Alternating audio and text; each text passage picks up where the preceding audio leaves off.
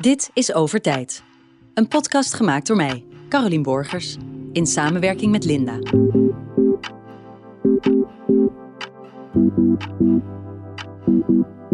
Vrouwen krijgen over het algemeen steeds later kinderen. De gemiddelde leeftijd in Nederland is nu 30,1 jaar. En dan kan je denken, nou, dat valt nog wel mee. Maar het aantal vrouwen dat boven hun 35ste kinderen krijgt, groeit enorm snel. Ook mannen krijgen later kinderen. Maar dat is biologisch dan weer een minder groot probleem. Een van de redenen dat de gemiddelde leeftijd omhoog gaat, is dat jongvolwassenen, zoals dat zo mooi heet, te maken hebben met toegenomen onzekerheid. Het duurt langer voordat ze een vaste baan hebben, ze hebben vaak onvoldoende inkomen, geen stabiele relatie of geschikte woning. Voor velen zijn dat voorwaarden voor de start van een gezin. Daarnaast speelt bij vrouwen ook een rol dat ze steeds vaker academisch onderwijs volgen. Jonge vrouwen combineren hun opleiding meestal niet met het moederschap en na hun opleiding willen ze vaak eerst gaan werken, ook om hun studieschuld af te betalen. Tegelijkertijd wordt ons in de media vaak voorgeschoteld dat het nog prima kan op latere leeftijd kinderen krijgen. Kijk maar naar al die supersterren die achter in de 40 gewoon nog zwanger zijn geworden.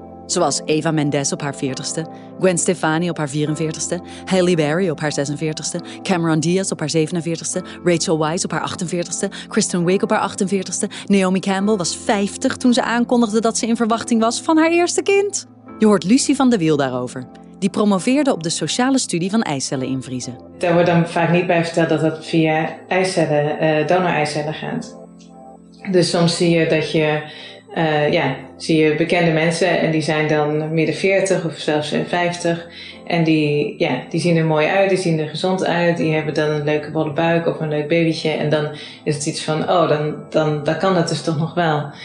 En in de meerderheid van de gevallen, zeker bij uh, ja, bekende mensen die veel geld hebben, zullen dan donor-eicellen hebben gebruikt. Of een donor-embryo. En op die manier toch op latere leeftijd kinderen kunnen krijgen eiceldonatie dus. Het plaatsen van een embryo dat gemaakt is door een eicel van iemand anders en de zaadcel van je partner. Een behandeling die relatief vaak uitgevoerd wordt, maar waar weinig over gesproken wordt. Voor vrouwen is het doneren van een eicel significant anders dan het voor mannen is om zaadcellen te doneren. Dit zal enerzijds met de hoeveelheid zaadcellen te maken hebben die ze maandelijks produceren, en anderzijds zal er ook een sociaal aspect aan vastzitten. Dat we toch bij moeders een ander idee hebben met betrekking tot hechting en zorg. Het grootste oordeel bij eiceldonatie zit hem dan ook in het feit dat je zwanger bent van iemand anders kind. Dat zie je overigens ook terug in de vergoeding.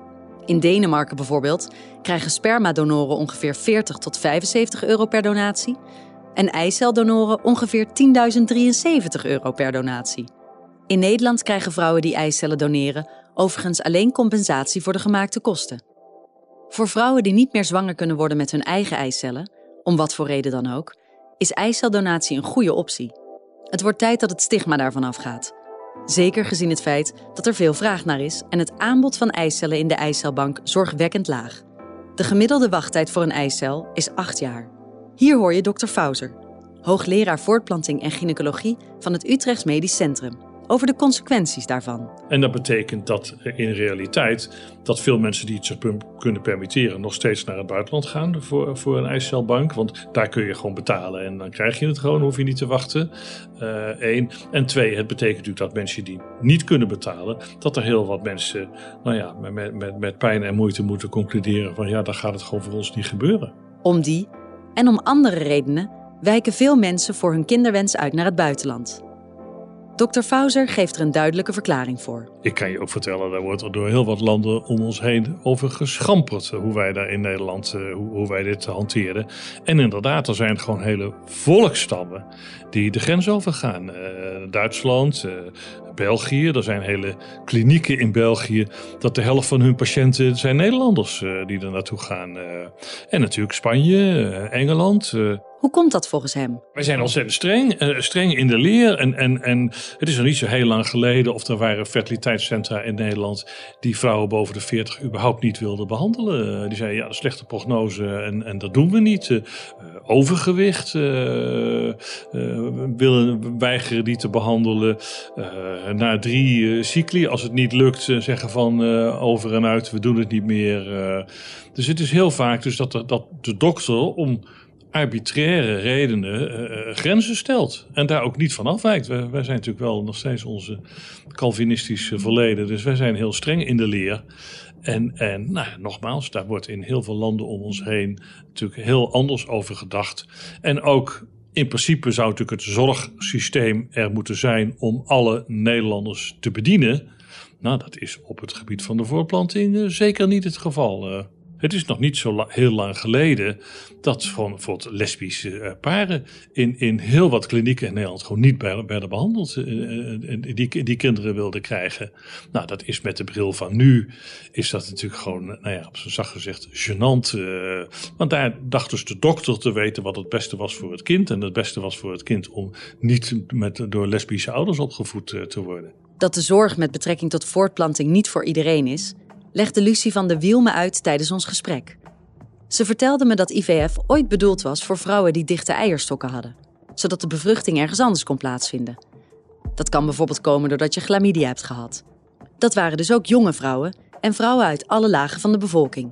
Maar inmiddels. De groep vrouwen die naar de IVF-kliniek gaat en die, en die zegt: Ik heb problemen met vruchtbaarheid, zijn eigenlijk met name vrouwen die uh, relatief uh, veel geld hebben en een goede opleiding hebben en het zich dus kunnen veroorloven om IVF te doen.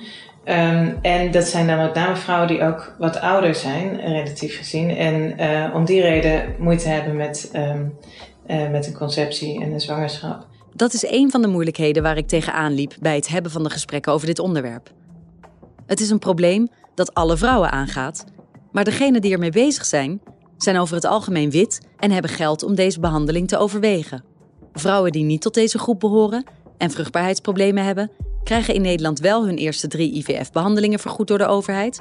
Maar aangezien het invriezen van hun eitjes voor eigen rekening is, worden ze min of meer uitgesloten van die mogelijkheid. Dus zelfs als je zou kunnen concluderen dat het vrouwen een vorm van vrijheid en ruimte geeft, geldt dat niet voor alle vrouwen. Als je het zelf kan betalen, dan kun je tot je veertigste je eitjes laten invriezen.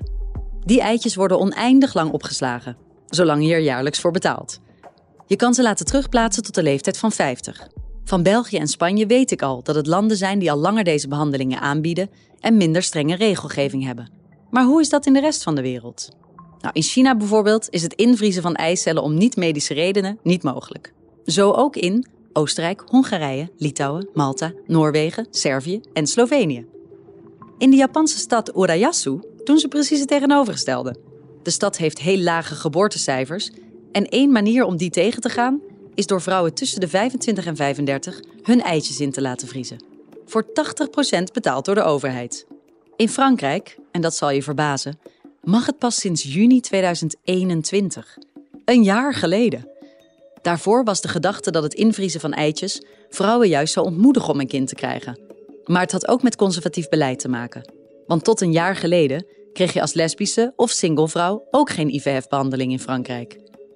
In Oostenrijk en Noorwegen geldt dit dan weer alleen voor singlevrouwen. Lesbische vrouwen krijgen wel een IVF-behandeling, singlevrouwen niet. Nu moet ik wel zeggen dat Frankrijk sinds juni 2021 wel meteen een stapje verder is gegaan dan de rest van de wereld. Want het is het enige land dat een deel van de gemaakte kosten voor het invriezen van eitjes vergoedt. Dat is uniek. In alle andere landen zijn de kosten voor de behandeling voor de vrouw die de behandeling wil ondergaan. Oh, en groot nieuws. Sinds een paar weken is het in Singapore mogelijk je eicellen in te vriezen.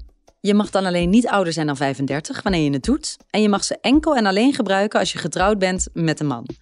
Heerlijk, vooruitgang. Wat ik ook opmerkelijk vond, het aantal vrouwen dat een baby wil krijgen op de leeftijd van 50 en ouder neemt toe. Volgens gegevens die zijn vrijgegeven door het Office of National Statistics in Engeland is het aantal patiënten van 50 jaar en ouder in de eerste twee decennia van deze eeuw verviervoudigd. Maar ja, dan komt de vraag natuurlijk naar boven: kan je fysiek tot het einde der dagen een kind dragen en laten groeien in je buik? Het antwoord is ja. Na de overgang maak je geen oestrogeen en progesteron meer aan en daardoor wordt je baarmoeder kleiner. Maar als je die hormonen weer toedient, groeit de baarmoeder weer en dan kan je er een kind in laten groeien. Kijk, of je dat moet willen is een tweede, maar het kan wel. Eén onderdeel van het grote verschil tussen de landen is dat in sommige landen de behandelingen uitgevoerd worden in privéklinieken. Die privéklinieken kunnen hun eigen regels opstellen met betrekking tot leeftijd, als dat niet landelijk bepaald is. En kunnen dus zelf een prognose maken ten aanzien van het aantal puncties dat gedaan moet worden. Je kan je voorstellen dat als die klinieken winst kunnen maken, het uitvoeren van onmogelijke behandelingen op de loer ligt. Toen ik een tijdje terug in Amerika was, sprak ik met een vrouw die haar eitjes ging invriezen op 40-jarige leeftijd. In Nederland wordt dat niet gedaan, omdat de kans op een goede hoeveelheid eitjes klein is. Maar in Amerika is dat je eigen verantwoordelijkheid. Zij liet drie eitjes invriezen en gaat in september voor een tweede punctie. Lucie van de Wiel heeft tijdens haar onderzoek in Engeland ook gezien hoe het ontstaan van privéklinieken een marktwerking kan opleveren. De afgelopen tien jaar ook veel meer geld geïnvesteerd wordt in IVF vanuit de kapitaalmarkt. Dus dan heb je met name over venture capital en private equity. Dat zijn uh, uh, ja, financiële investeerders die dan in de IVF-sector komen en bijvoorbeeld een, een kliniek kopen en die dan um, fuseren met een andere kliniek, zodat je een veel grotere kliniek krijgt. Of uh, door klinieken te kopen en te verkopen met, met een winstoogmerk. En dan zijn vrouwen zoals ik, die de boot nog niet op willen, maar hem ook niet willen missen, een lekker verdienmodel. En dat is met name um, is eicelleninvries interessant voor die investeerders, omdat je dan een veel grotere doelgroep krijgt. Dus je kan veel um, breder adverteren dan dat je dat met IVF zou doen, wat uh, natuurlijk alleen is voor de mensen die en op dat moment een kind willen krijgen en merken dat het niet werkt. Terwijl eicellen invriezen is voor in principe een hele grote groep jonge vrouwen die misschien in de toekomst ooit een keer een kind willen krijgen, maar niet op dit moment. Of althans uh, ervoor kiezen om dat op dat moment niet te doen. Het voordeel van je eitjes in laten vriezen in Nederland is dat met uitzondering van één fertiliteitskliniek alle behandelcentra verbonden zijn aan een ziekenhuis. Ze bevinden zich dus feitelijk in publieke ziekenhuizen. Daardoor werken ze niet met een winstoogmerk. De kans op het maken van winst, door vrouwen te behandelen die bijvoorbeeld heel kleine kans op goede eitjes hebben door hun hoge leeftijd, neemt daardoor af. Wat het nadeel ervan is, de gynaecologen hebben daardoor meer macht en bepalen eerder op basis van hun eigen inschatting of je wel of niet in aanmerking komt voor de behandeling. En dan is er nog het feit dat ziekenhuizen natuurlijk wel verdienen aan zo'n behandeling. Ze zijn misschien niet op enorme winst uit, maar helemaal om niet is het ook niet. Wie zelf werkzaam is in zo'n privékliniek in België is dokter Marion Valkenburg.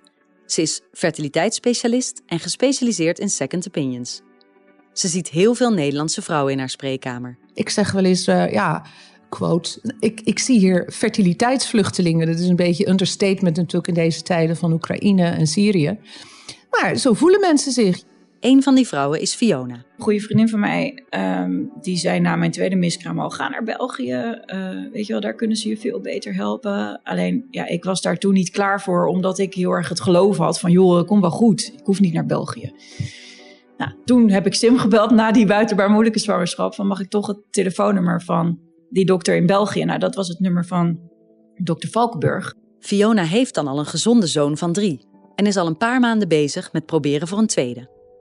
Dat verbaast haar en haar partner, omdat ze de eerste keer heel snel zwanger werd. En wij hadden ook zoiets, uh, we wilden niet twee zo super dicht op elkaar. De, en met de wetenschap, nou ja, je hoeft naar me te kijken en ik word zwanger.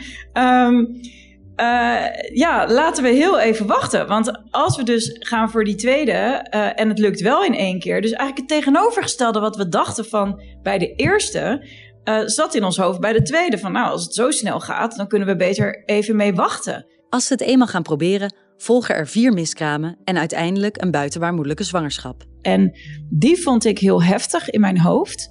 Veel heftiger dan al die miskramen. Want bij die miskramen wist ik inmiddels. Uh, nou ja, het komt er wel uit. En uh, weet je, prima. Nou ja, het is helemaal niet prima natuurlijk, maar. Nou ja, goed.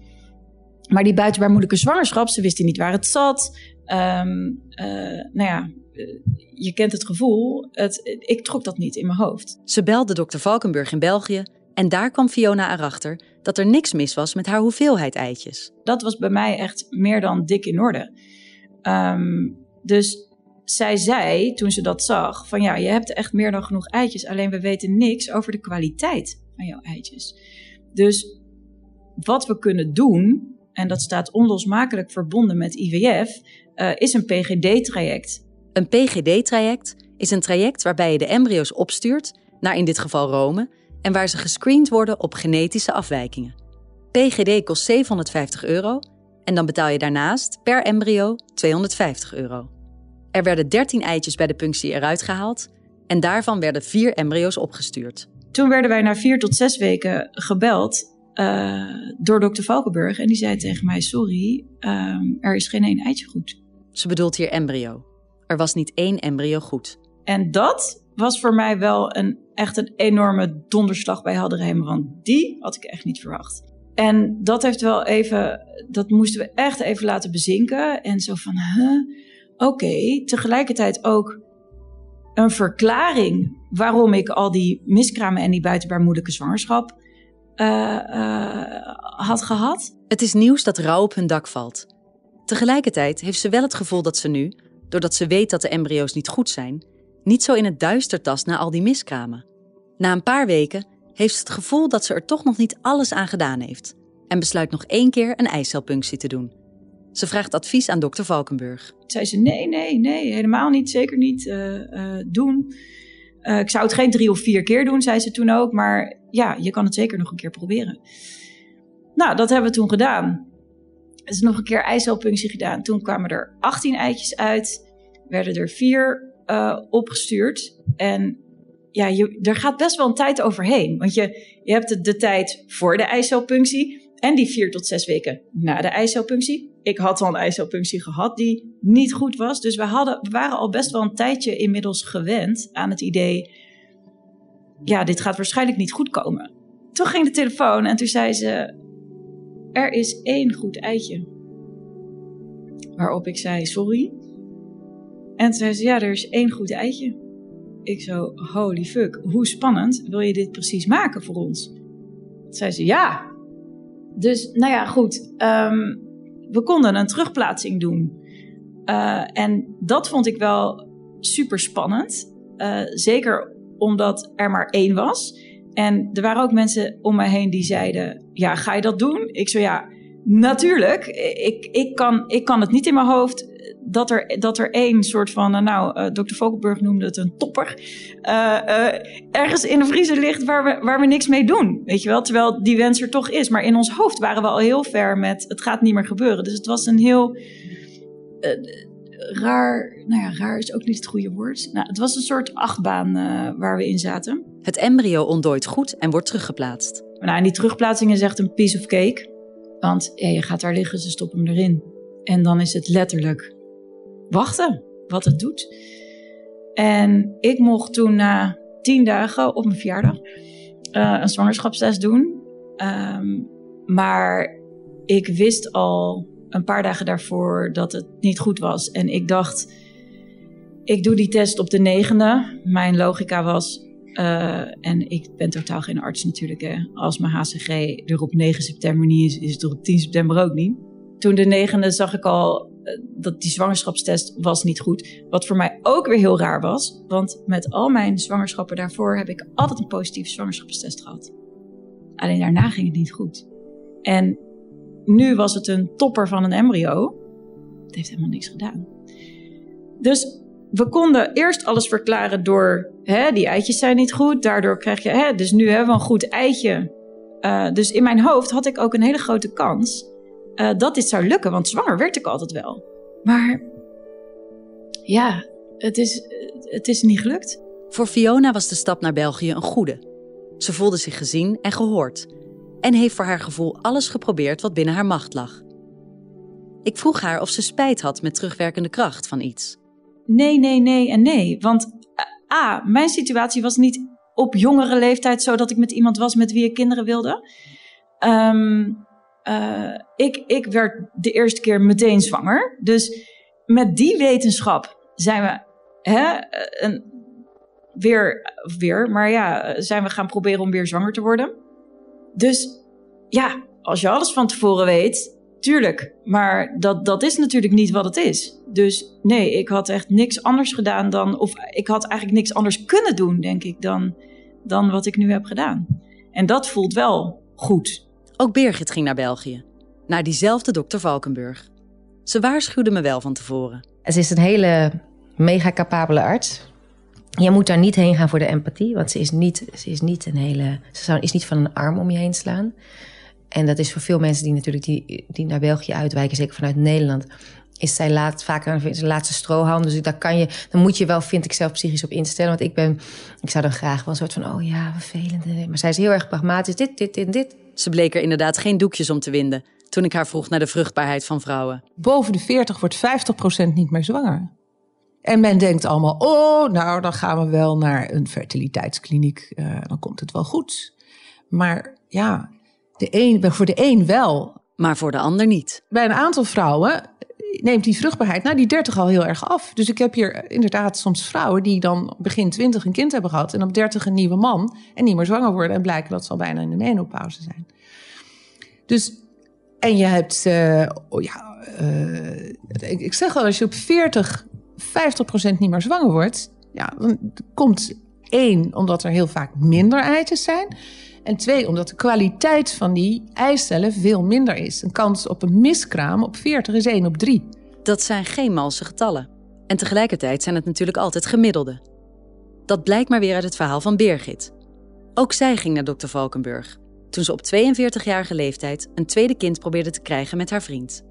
Birgit vertelt wat er vooraf ging aan haar bezoek aan dokter Valkenburg. Toen werd een jaar lang gewoon op de natuurlijke wijze geprobeerd. En dat, um, dat, uh, dat lukte niet. En in dat jaar waren we ook een keer bij een gynaecoloog geweest. En die um, hier in Amsterdam. En die uh, zei van, oh nee, je baarmoederslijmvlies is hartstikke goed, dus zelfs lekker dik. Er kan goed een embryo innestelen. En oh, je hebt altijd heel veel last van ongesteldheid. Ja, ja dat kan waarschijnlijk ook te maken hebben met je baarmoederslijmvlies, want die is dik. Dus dan gaat elke maand zeg maar, het spreekwoordelijke kraantje van bloed extra hard aan om het slijmvlies weg te spoelen waar niks is ingenesteld. Dus uh, zo dacht ik van ja, als, als toch leek van mijn eigen lichaam, dacht ik oké, dat zal dan wel. En oh ja, de ene heeft gewoon wat meer last van ongesteldheid dan de andere. Maar ik heb de laatste tien jaar wel echt heel veel pijn altijd met ongesteldheid. Echt niet normaal. En dat is nooit echt verder onderzocht. Dit is altijd lastig, hè? Want je weet niet wat iemands pijngrens is. Maar wat we inmiddels wel weten, is dat de pijn bij vrouwen tijdens hun menstruatie lange tijd weggezet is als aanstellerij. Terwijl als je Birgit hoort. Heel veel buikpijn, rugpijn. Echt gewoon wegtrekkers. Echt, en ook gewoon dus psychisch soort van. Nou, echt dan bedenken of ik naar links of rechts zou lopen in het park. was echt al een, een wereldvraag. Gewoon dat je denkt, jezus. Terwijl ik dan. Echt, er was niks meer over van hoe ik mijzelf ken als gewoon daadkrachtige vrouw. Ook gewoon, ja, gewoon, gewoon echt wegtrekken. Gewoon er niet zijn eigenlijk. En dan echt drie dagen zeker per maand. Dus dat is wel een maand van je leven per jaar. Dus dat is echt zo zonde. Echt, echt, echt zonde. Birgit probeert het een jaar op de natuurlijke manier en komt dan toch uit bij dokter Valkenburg.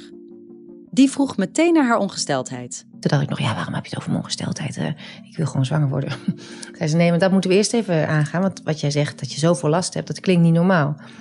Mm, dan wil ik eerst alles uitsluiten waar dat door kan komen. Ik denk aan drie dingen die ik wil uitsluiten. Of polypen, of endometriose, of adenomiose. In werkelijk waar, twee weken had ik alle onderzoeken gehad. Van MRI tot bloedonderzoek tot uh. En, um, en ik bleek het alle drie te hebben. Endometriose is een term die ik in de afgelopen maanden veel heb gehoord. Lange tijd werd de hevige, soms niet te handelen pijn die erbij kwam kijken, weggezet als ach. Een beetje pijn tijdens de menstruatie, dat hoort erbij. Dekentje op de bank, kruikje erbij, even op die tandjes bijten. Nu blijkt dat het daadwerkelijk een aandoening is. Eentje die niet al te licht genomen moet worden. Endometriose is als een van de aanwezige factoren aangeduid in ongeveer 50% van alle gevallen waarin het vrouwen niet lukt om zwanger te worden binnen een jaar. Het beïnvloedt ongeveer 1 op de 10 vrouwen in de vruchtbare levensfase. Dat komt neer op ongeveer 200 miljoen vrouwen wereldwijd. En ja, er is sinds 1993 een awareness maand. De hele maand maart staat in het teken van meer bekendheid rondom dit onderwerp, maar toch wist ik er weinig van. En dan is er bij vrouwen boven de 38 ook nog adenomiose. Dr. Valkenburg legt het uit. Dat is een soort endometriose van de spier van de baarmoeder, waar bloedingjes ontstaan. En dat heeft ook een heel duidelijk negatieve invloed op de vruchtbaarheid.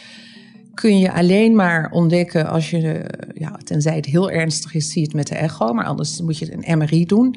Nou, hoeveel moeite ik heb om mensen een MRI te kunnen laten doen de MRI kan alleen gedaan worden in Nederland, want anders krijgen haar patiënten het niet terugbetaald.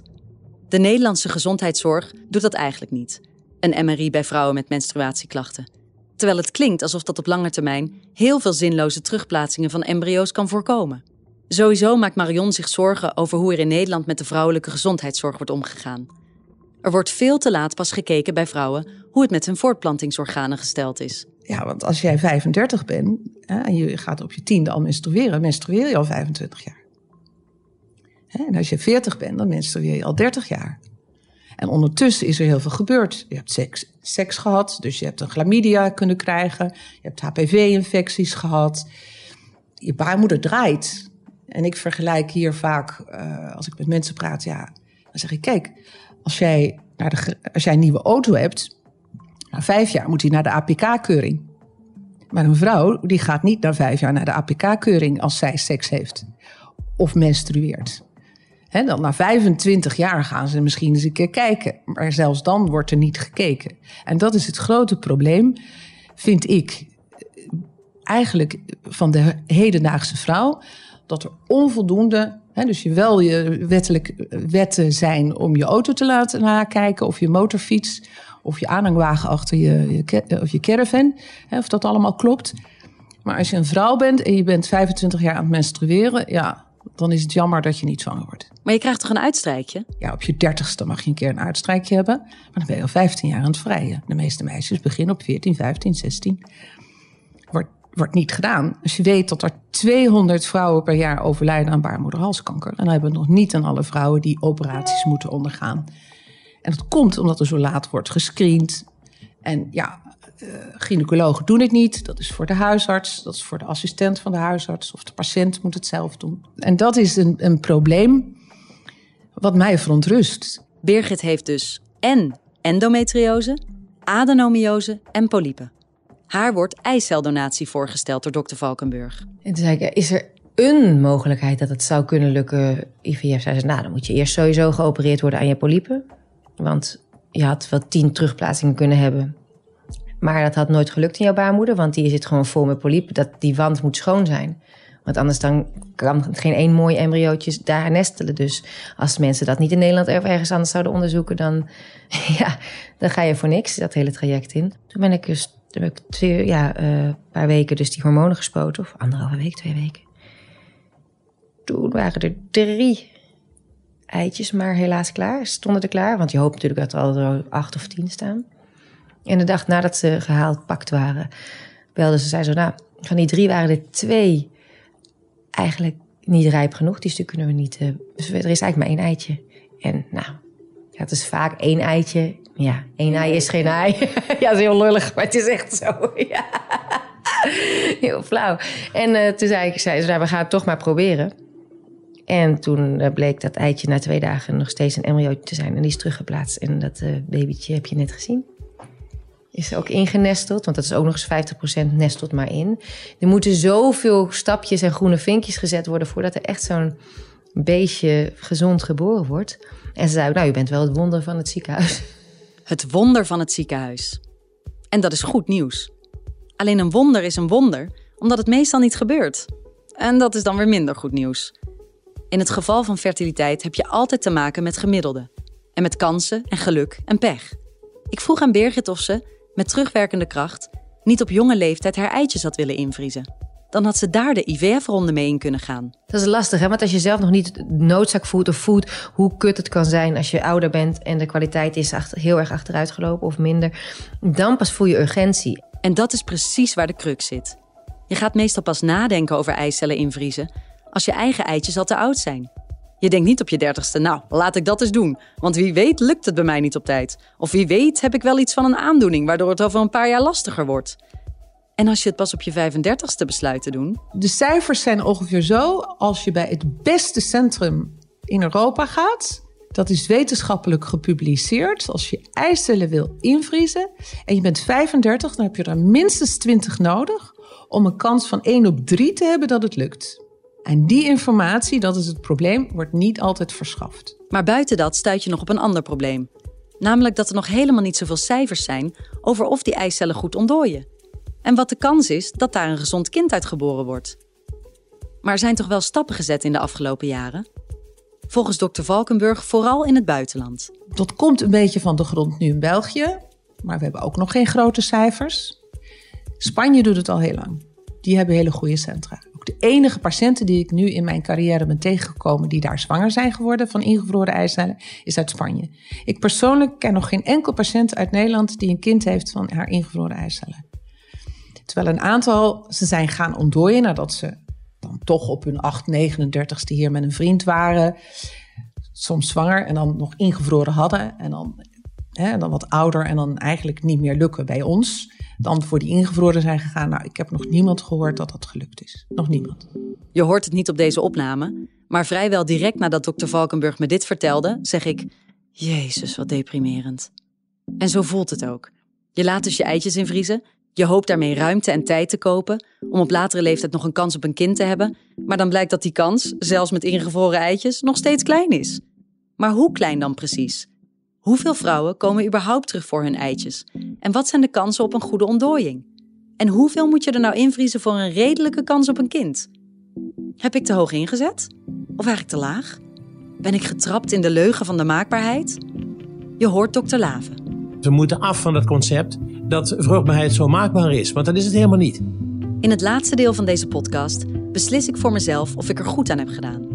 Ik maak de balans op en zet alle informatie op een rij met betrekking tot kansen en percentages. Deel 3, het laatste deel van Overtijd, kan je nu al luisteren op dit kanaal of op je andere favoriete podcastkanalen.